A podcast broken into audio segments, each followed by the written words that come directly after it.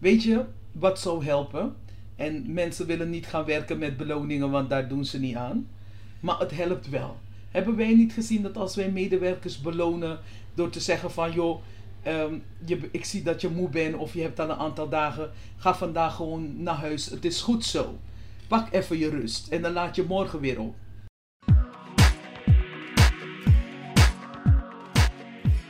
Hallo! Hallo luisteraars, welkom in onze podcast Mensen in de Zorg.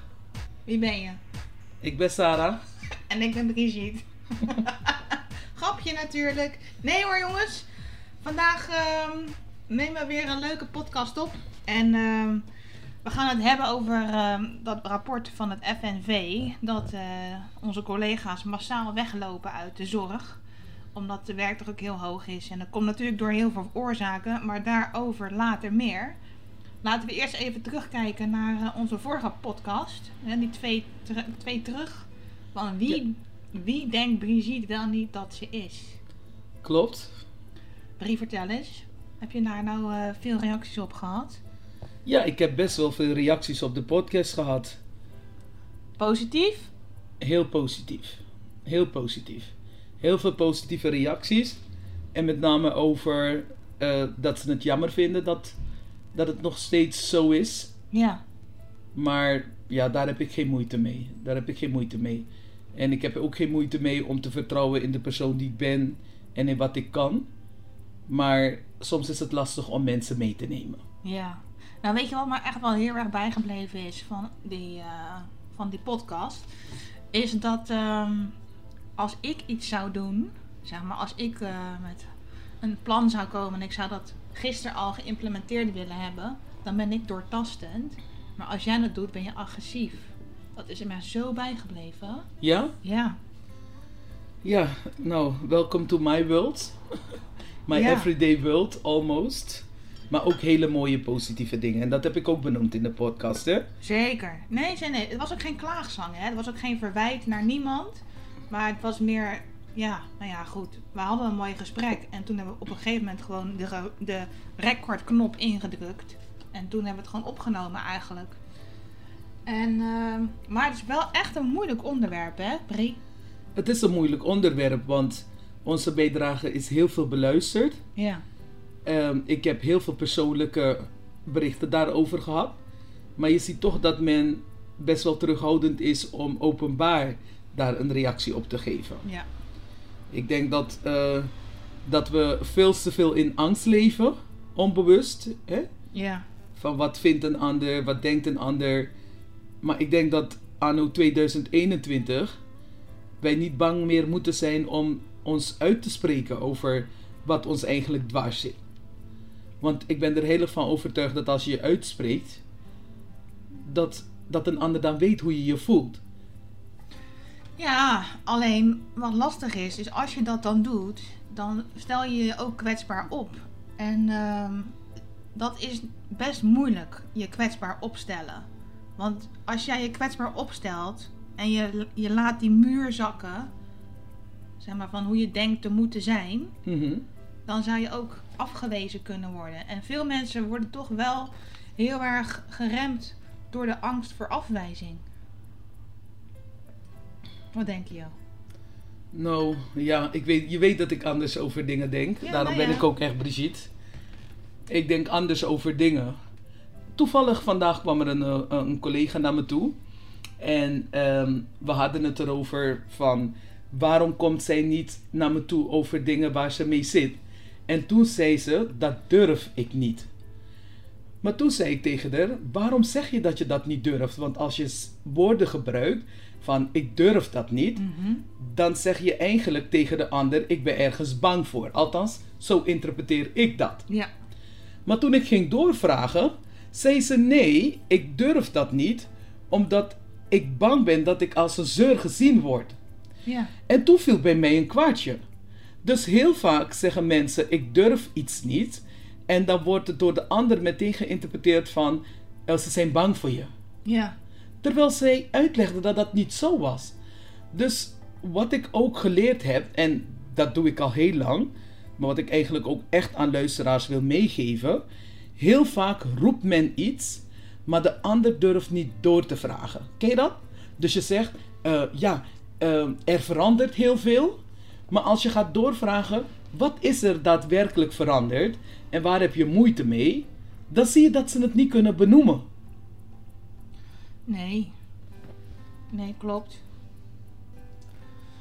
Klopt, maar als, als ze dan zeggen van ik durf het niet te benoemen, want anders ben ik bang al als ik als een zeur word gezien, dan is dat toch ook een soort angst voordat je haar afwijst. Nee, maar dan weet je wel eh, hoe je daarop kan inspelen. Kijk, als ze zegt ik durf niet naar je toe te komen, want dan denk ik, ja, ik sta altijd aan je deur. Dan kan ik tegen haar zeggen, ik vind het juist heel belangrijk dat je naar me toe komt. En weet je wat ik nu met haar heb afgesproken? Ze zei, Brigitte, ik vond het een heel fijn gesprek. Ik zeg maar, weet je wat we met elkaar afspreken? Ik zie je veel vaker, zal ik vragen hoe het met je gaat. Maar eens in de twee weken hebben jij en ik standaard een half uurtje. En wat je dan niet durft, of wat je denkt van, ja, ik wil daar niet over zeuren, heb je dan in dat half uurtje de tijd om dat met me te bespreken. En dan Mhm. zal ik alles eraan doen om jou tegemoet te komen in de dingen waar je mee zit. Ja, dus je biedt haar dan een veilige omgeving. En daar, dat is het belangrijke. Ja, maar, maar dan ga ik toch weer, omdat je, dan- ja, want we zeggen net, jij denkt anders over dingen, maar volgens mij valt het echt wel mee. Want als jij een veilige omgeving of een veilig moment voor deze collega creëert, dan hoef jij dus niet meer bang te zijn dat je over haar negatief gaat denken. Dat, dat zij een zeur is. Nee, maar kijk, dat is het ombuigen waar we het over hebben. Doordat er al, eh, als men mij ziet, heeft men al een bepaalde gedachte over hoe men denkt dat je bent. Ja, ja. En daarbij komen er ook emoties en gevoelens naar boven. Ja, ja. Dus als iemand eh, mij zou vertellen, oh Sarah heeft dit gezegd, dan zie ik Sarah, eh, een zachte vrouw, een lieve vrouw. Dan heb ik een hele andere emotie als wanneer eh, iemand zou zeggen, dat heeft Brigitte tegen mij gezegd. Ja, Want dan zie je Brigitte, groot, eh, sterk, zware stem. Dus dat geeft ook alweer een andere, ja lading hè. precies. Ja, ja. En daar is waar we eh, vaak met elkaar over moeten praten. Mhm. Dus, dus als we het hebben over een veilige omgeving waar mensen zich gewoon kunnen uiten over hoe ze zich voelen, denk je dat dat ook iets doet met de werkdruk op jouw afdelingen? Want je hebt meerdere afdelingen. weet je wat, als de medewerker het gevoel heeft dat je begrijpt wat ze doormaken, wat ze meemaken, wat ze ervaren op die werkvloer. En ze zien dat je als manager of leidinggevende dat met ze draagt Mhm. en meedenkt, dan heb je de halve wereld. Je hebt de halve wereld. Van, vandaag heb ik gezeten, ik heb met één collega hebben we op vijf afdelingen samen de pillen gedeeld. Ehm, ik heb ervoor gezorgd dat ze niet hoefde te koken. We hebben patat gegeten. Iedereen heeft eten besteld uit de brasserie. Het was even echt ook voor de brasserie even een ommezwaai. But we did it. Nu in de avond hoeven ze niet te koken. Ze kunnen rustig aan hun dienst beginnen. Maar ze kunnen ook die zorg en de liefde aan, de, aan onze bewoners geven. Want ze wonen daar. Ja. Trouwens, heb ik je verteld dat we zijn begonnen met eh, Geert Bettinger? Nee, vertel, vertel. Nou, Geert Bettinger die is begonnen met zijn scholingen. Ja, oh, even voor onze luisteraar die, eh, die, die, die aflevering niet heeft gehoord. We hebben Geert Bettinger natuurlijk een aantal podcasts geleden eh, in onze podcast gehoord. Waar hij heeft verteld in, eh, nou, hoe hij in zijn boek beschrijft hoe je met gedrag van mensen omgaat. En dan vooral met mensen die dat niet normaal meer kunnen uiten. En eh, Geert en wij die zijn eh, gaan samenwerken. En eh, nu is Geert dus bij Brigitte aan de slag als trainer. Ja, En Brigitte heeft al twee trainingsdagen achter de rug. En wat vond je ervan? nou geweldig. Echt prachtig. En je ziet ook gewoon dat medewerkers eigenlijk heel erg ook schrikken van hoe, ehm, hoe zeg je dat? Eh, institutionalized. Wat is dat woord? Dat ze helemaal vanuit de school leren hoe wij dingen moeten doen. En eh, help me. Ja, ja ik, ja, ik ben even aan het nadenken. Oké. Je weet toch hoe mijn gezicht gaat Ja, ja, ja, ja. Nee, weet je wat het is? Je leert op school hoe je eh, hè, met het probleem om moet gaan. Ja, ze zijn een beetje echt heel schools. Echt heel recht toe, recht aan. Heel erg met de richtlijnen. Ja, maar niet goed kijken naar de persoon. Nee, precies. Een En beetje 13 in een dozijn. Maar dat is wat, waar Geert het over heeft. Probleemgedrag. Voor wie is het een probleem? Ja. Voor wie is het een probleem? Ja. Is het voor ons een probleem dat die mevrouw niet wil eten? Is het een probleem voor ons dat die mevrouw in een hoek plast? Is het een probleem dat ze altijd aan die deur rammelt? Of is het niet een ergere probleem voor die vrouw die dat doet? Want zij geeft niet een probleemgedrag af, ze geeft een signaal af. Ja. En we mogen niet meer praten over probleemgedrag, maar over het signaal die een ander aangeeft. Ja. Want als die vrouw daar aan die deur staat te rammen en ze kan zelf niet praten, dan geeft zij iets aan. En daar gaat deze training over. Ja, is heel mooi, hè? Prachtig. Dus, dat signaalgedrag.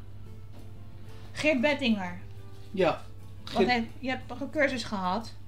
ja, twee trainingen hebben we achter de rug. Ja. En? Nou, eh, geweldig, prachtig. Ehm, over probleemgedrag, ombuigen naar signaalgedrag. Dus eh, als jij een cliënt hebt die eh, aan de deur staat te rammen, of een cliënt hebt of een bewoner hebt die niet wil eten, of een bewoner die in een hoek plast, dan zijn wij gauw geneigd om te gaan zeggen: het is een probleemgedrag. En wat doe je met dat probleem? Maar Geert leert je Je gaat er toch gewoon eh, een medicijn geven? ja, precies. Dat is het dus wat we heel vaak doen. Of er wordt een plan van aanpak geschreven over hoe wij met zo iemand om moeten gaan. Ja, je gaat toch iemand gewoon bestraffen dan? Ja, precies. Maar wat Geert leert, is een signaal geeft de persoon af. De persoon die dat doet, geeft een signaal af. Met name de dementerende. Want waarom plast de persoon daar? Waarschijnlijk omdat hij denkt dat daar de wc is. Precies. Of waarom staat hij aan de deur te rammen? Omdat hij naar buiten wil. Ja, en dus iemand geeft een signaal af. En daar is waar hij je dus een training ingeeft over eh, hoe kan je dat ombuigen. En wat is dan hetgene wat je echt dacht van, na die twee trainingsdagen van, wauw, dit is echt mind-blowing. Nou, voor mij niet zozeer, want ik ken Geert. Ja. En eh, we delen heel veel, over heel veel onderwerpen denken wij vaak hetzelfde. Ja. Maar wat mindblowing voor mij was, is eigenlijk hoe ehm, de collega's om je heen zo geleerd hebben om anders naar dingen te kijken. Ja. Dus als eh, ehm, wij iets een probleemgedrag vinden. eh, Geert had een heel mooi voorbeeld. Hij zei: eh, Wat als jij nu, dus iedereen hier in de groep, hij zei: ehm, Morgen moet jij hier zo zijn, kom jij hier wonen, je koffer, je tas, alles en je moet je om 10 uur hier aanmelden. En dan mocht je opschrijven wat in jou opkwam. Ja. En weet je wat er naar voren kwam? Nee. Ik had gezegd, ik ging niet. Anderen hadden gezegd, verdriet. Nee, ik ging helemaal niet. Mij zouden ze echt, ik ging gewoon niet. Sorry hoor. Ja, nee. Iedereen zei hele lieve dingen van angst en verdriet en eh, pijn. En ehm, dat ze geen regie meer hebben over hun eigen leven. Ja, ja. Eentje zei, ik ga alles doen vandaag wat ik morgen niet meer kan. Maar ik had zoiets. Je hell to the no. To the no, no, no. Ik ga, ik ga niet. En dat is wat wij dus doen met onze ouderen die niet meer zo voor hunzelf kunnen denken. Ja. En hoe mooi zou het zijn om dat om te buigen. Dat niet die cliënt, de persoon komt daar wonen. Ja. Om, om, om, dat, om het warm voor de persoon te maken. Ja, ja. Dus geloof mij, de trainingen van Geert Bettinger. eh, zijn boek is trouwens nu ook nog in het Frans en Duits, eh, Spaans. Het komt ook nog in veel meer talen. Het is een prachtig boek. Ja. Ja, Ja, ja, absoluut. Absoluut. als, als zoveel landen, miljoenen mensen dit oppakken. eh, people, mensen die luisteren, geloof mij. En hij doet ook twee familieavonden. Oh, dat is mooi. Ja, want hij gaat de familie dus ook meenemen. Ja. van ik wil eh, dat mijn moeder eh, elke dag gaat Douchen. douchen. Of ik wil dat mijn moeder elke dag gaat bingoen. Of ik wil dat ze elke dag naar de breiklub gaat. Wie ben jij om dat te willen? Ja, we zijn niemand. Nee, maar wie ben jij om te bepalen wat jouw moeder wel en niet wil? Ja. Of moet? Ja, en dat is wat we wel vaak hebben geleerd hè, op school. Van eh, een bewoner heeft een, eh, een probleem. En, eh, dat gaat, en de oorzaak is eh, nou, dementie. En, we en de symptomen is nou, 1, 2, 3, 4, 5. En wij gaan het even voor je oplossen. Maar we nemen echt veel te vaak de bewoner niet mee. Waarom vragen we het die gewoon aan die Ja. bewoner? Sommigen kunnen het nog heel goed aangeven. Ja, Maar we gaan leren om naar de signalen te kijken. ja, En daar gaat deze training over. Maar we gaan nog een keer dieper in op dit onderwerp. We hadden trouwens een heel ander mooi onderwerp. Ja, ja, ja, want eh, er is een rapport van het FNV uitgekomen in september. En dat, het is best wel zorgwekkend, want, oh, pardon, daarin staat dat bijna 40% van de medewerkers zorg en welzijn het afgelopen anderhalf jaar collega's zien vertrekken vanwege de hoge werkdruk of de overbelasting door onderbezetting. En ehm, ja, als zo'n bericht dan in het nieuws komt, dan heb ik altijd last van twee dingen. Eén, omdat ik het herken. Want ik zie ook veel medewerkers vertrekken, omdat ze het gewoon niet meer volhouden. En aan de andere kant denk ik, dit soort berichtgevingen helpen ook niet om het vol te houden. Hoe bedoel je dat? Kan je het even wat nader uitleggen? Nou ja, kijk, als je al zeg maar op je laatste benen loopt, en dat is ook in heel veel opzichten ook gewoon zo, en je krijgt zo'n bericht, dan ben ik wel eens bang dat daardoor de. Eh, dat de moed je helemaal in de schoenen zakt. En dat het dan heel lastig is om dan toch nog weer die, die, die, die hoop en de energie op te pakken om toch door te gaan. Nou, ik ben optimistisch hoor. Ik, ik, ik kijk er anders tegenaan. Ik vind juist dat als dit bekend is en iedereen weet het, dat wij moeten gaan kijken wat willen wij als organisatie of als mens anders doen voor onze medemensen. Ja, Hoe kunnen wij, we moeten gaan kijken waarom vertrekken ze. We moeten gaan kijken hoe kunnen we ervoor zorgen dat er wat meer verbinding is en draagvlakken gecreëerd worden om dit samen met elkaar te doen. Dan bereik je al heel veel. ja, Want weet je, ze zeggen, ik, ik zat eh, een keer ergens en dan waren ze aan het vertellen over nieuwe zorgtechnologie. En eh, over zoveel jaar zijn er steeds minder mensen in die zorg. Althans, werkende. Maar dat is niet zo. Dat werk wordt zwaarder. Heel zwaar. Dus we moeten gaan kijken hoe kunnen we het, hoe kunnen we het samen met elkaar dragen. ja. Ja, en denk je dan dat, eh, want er worden ook dus stakingen aangekondigd. Is dat zo? Heb ik Ja. iets gemist? Ja, er worden dus ook stakingen aangekondigd. Oh, Denk je dat dat werkt? Stakingen waarover? Nou, dat de medewerkers die in de zorg werken gaan staken. Omdat ze meer erkenning willen over de problemen die er nu zijn. Kijk, dat heel ding wat er gecreëerd is door de regering, dat mensen langer thuis moeten blijven, zorgt er ook voor dat bijna alle opnames gedwongen opnames zijn. Ja, wel heel veel, ja. Heel veel. Ja, Of met de rechterlijke machtiging komt iemand binnen. ja, Ik zeg altijd, oma die niet eens meer wist, die de bankpas misschien niet kon vinden, is oma die, weet, die niet eens weet hoe ze het moet gebruiken. ja, Dus doordat mensen langer thuis blijven wonen, tegen de tijd dat ze in zo'n instelling komen, zijn ze zwaar verwaard. Maar de personele bezetting blijft hetzelfde. ja. Als je al personeel hebt.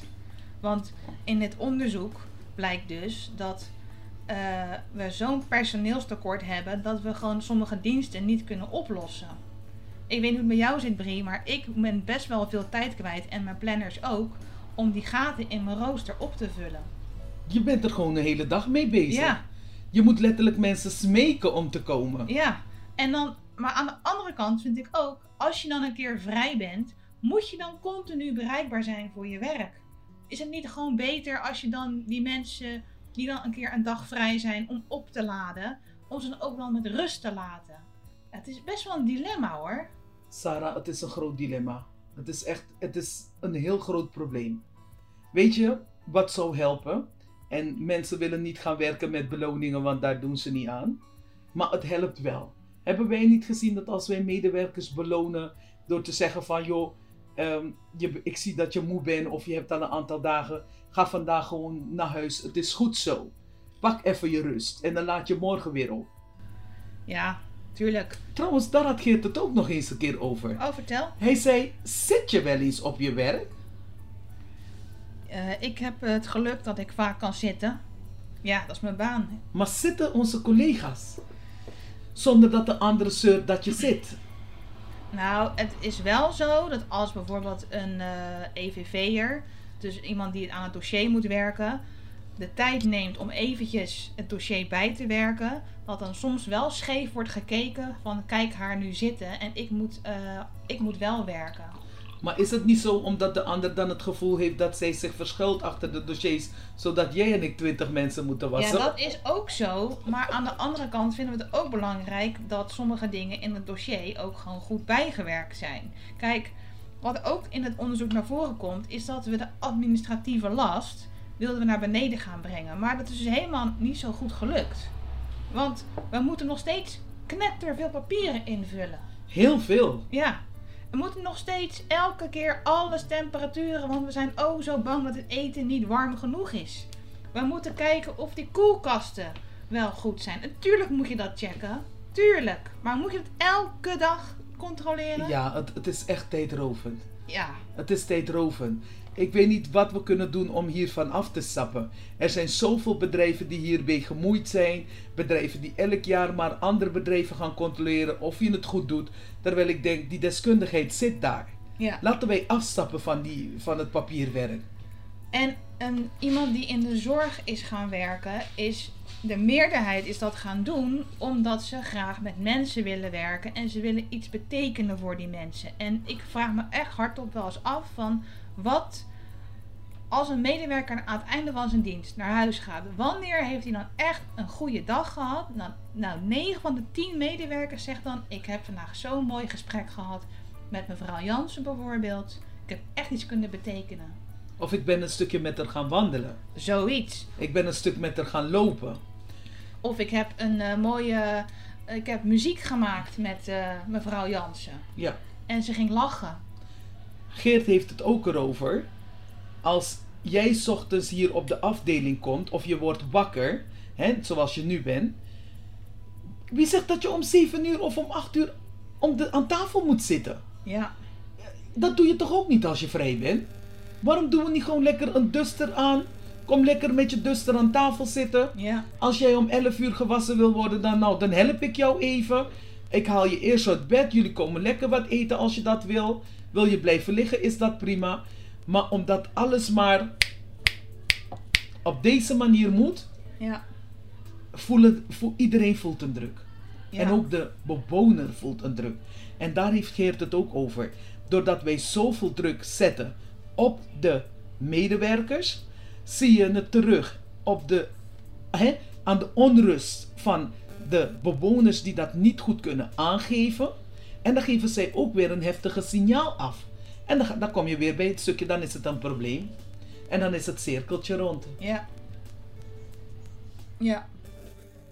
En wat ook eh, een belangrijk item is voor, eh, om het wel vol te houden, is dat je echt waardering krijgt voor je werk. En dat zit hem niet alleen maar in geld, maar dat zit hem ook, waar we mee begonnen, in een goed gesprek met elkaar, met je leidinggevende, over wat je dwars zit. Het gaat ook over dat als jij een goed idee hebt voor, om het leuker te maken voor je bewoner, dat daar ook mogelijkheid voor is.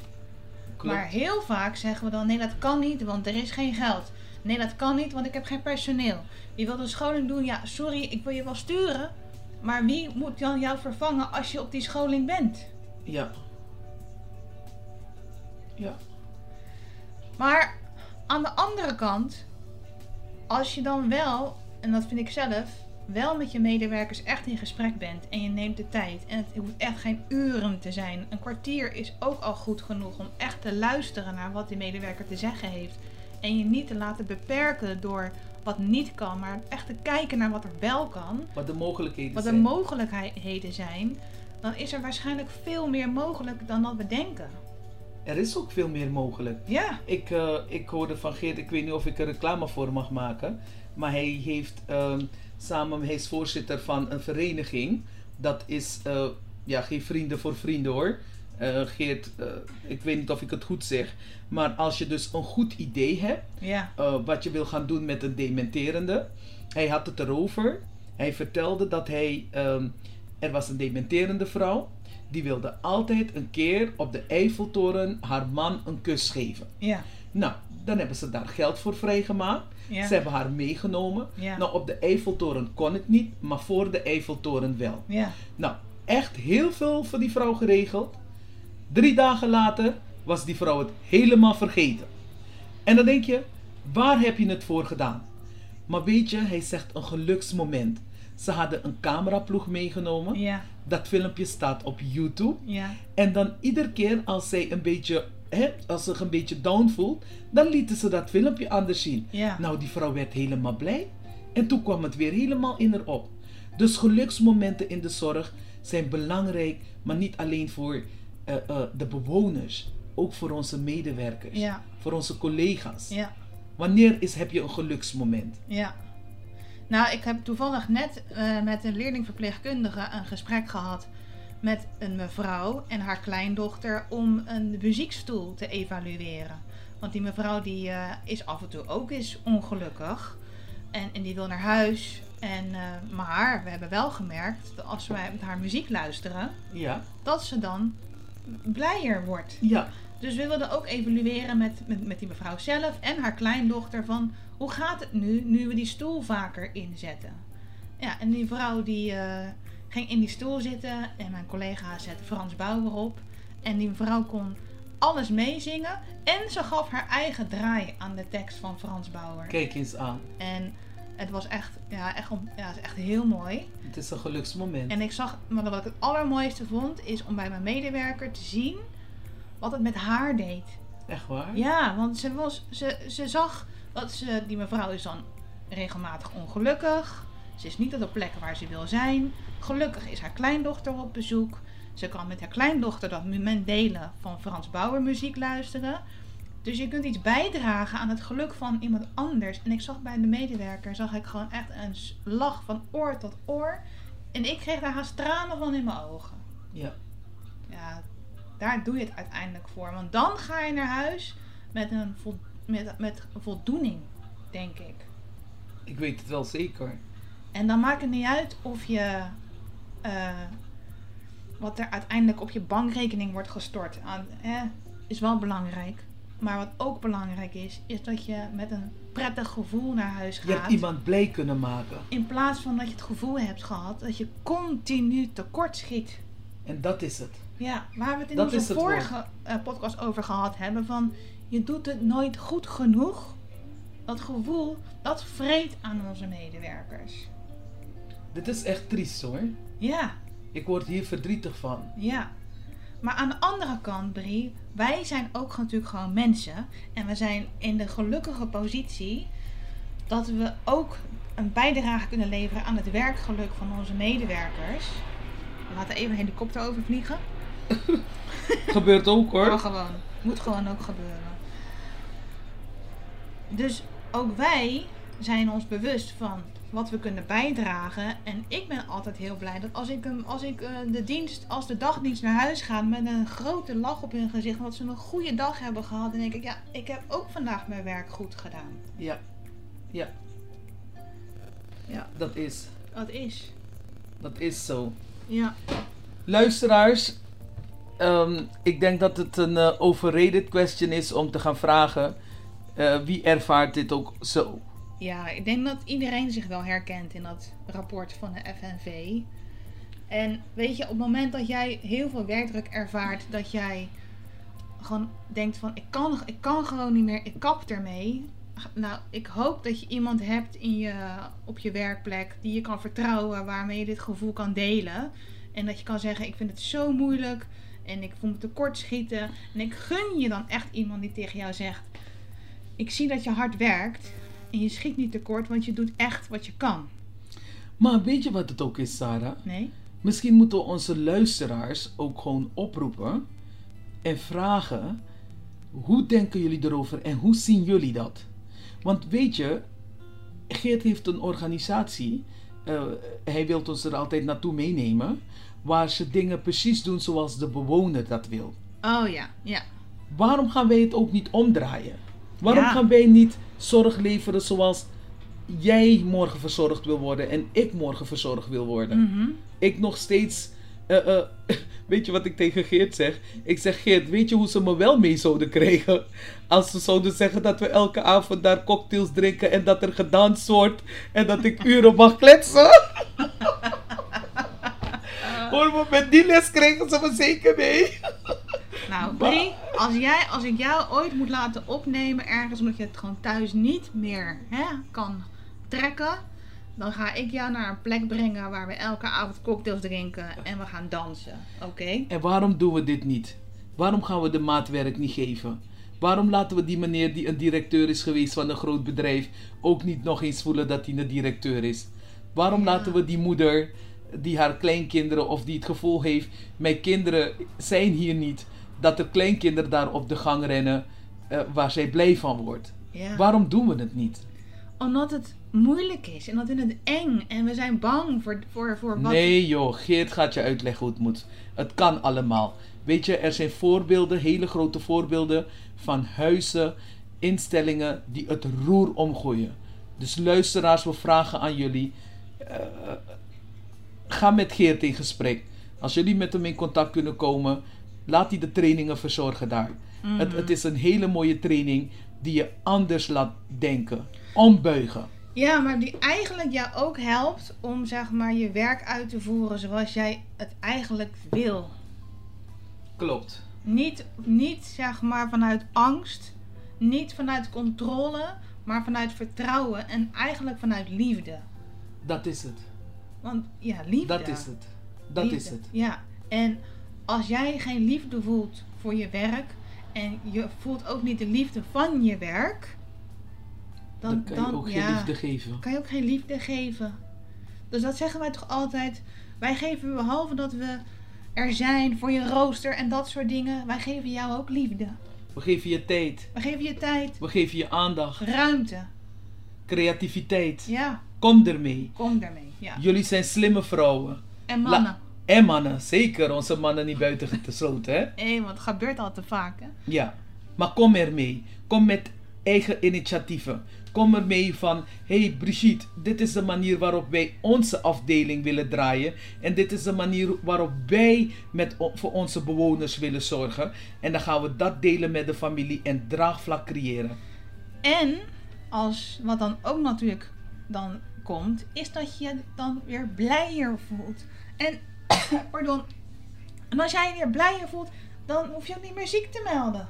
Nee, want je mag gerust op het werk zijn als je je minder lekker voelt. Ja. En als jij hoofdpijn hebt of je voelt je niet lekker, maar je kan toch lekker daar zo zitten terwijl oma je een beetje knuffelt en oma lekker eh, op je hoofd een beetje masseert. Want ze zijn ook gewoon hele lieve mensen en die begrijpen ook wel eh, dat je je niet lekker voelt. Daar had Geert het trouwens ook over. Hij zegt, durf jij soms ook gewoon aan de bewoners te zeggen van... Mevrouw Jansen, ik voel me vandaag niet zo lekker. Of mevrouw Jansen, ehm, ik, ik ben vandaag heel erg moe. Vindt u het goed als wij eh, eh, eh, even lekker met elkaar om de tafel gaan zitten of even een krantje zullen lezen? Denk je dat oma dat niet begrijpt? Ik denk het wel. Zo, wij zijn gevoelsmensen. En mensen die het niet meer zelf kunnen vertellen, al hun, sens, al hun sensoren staan aan en op scherp. Maar wat als je daarop heel goed kan inspelen? Waarom?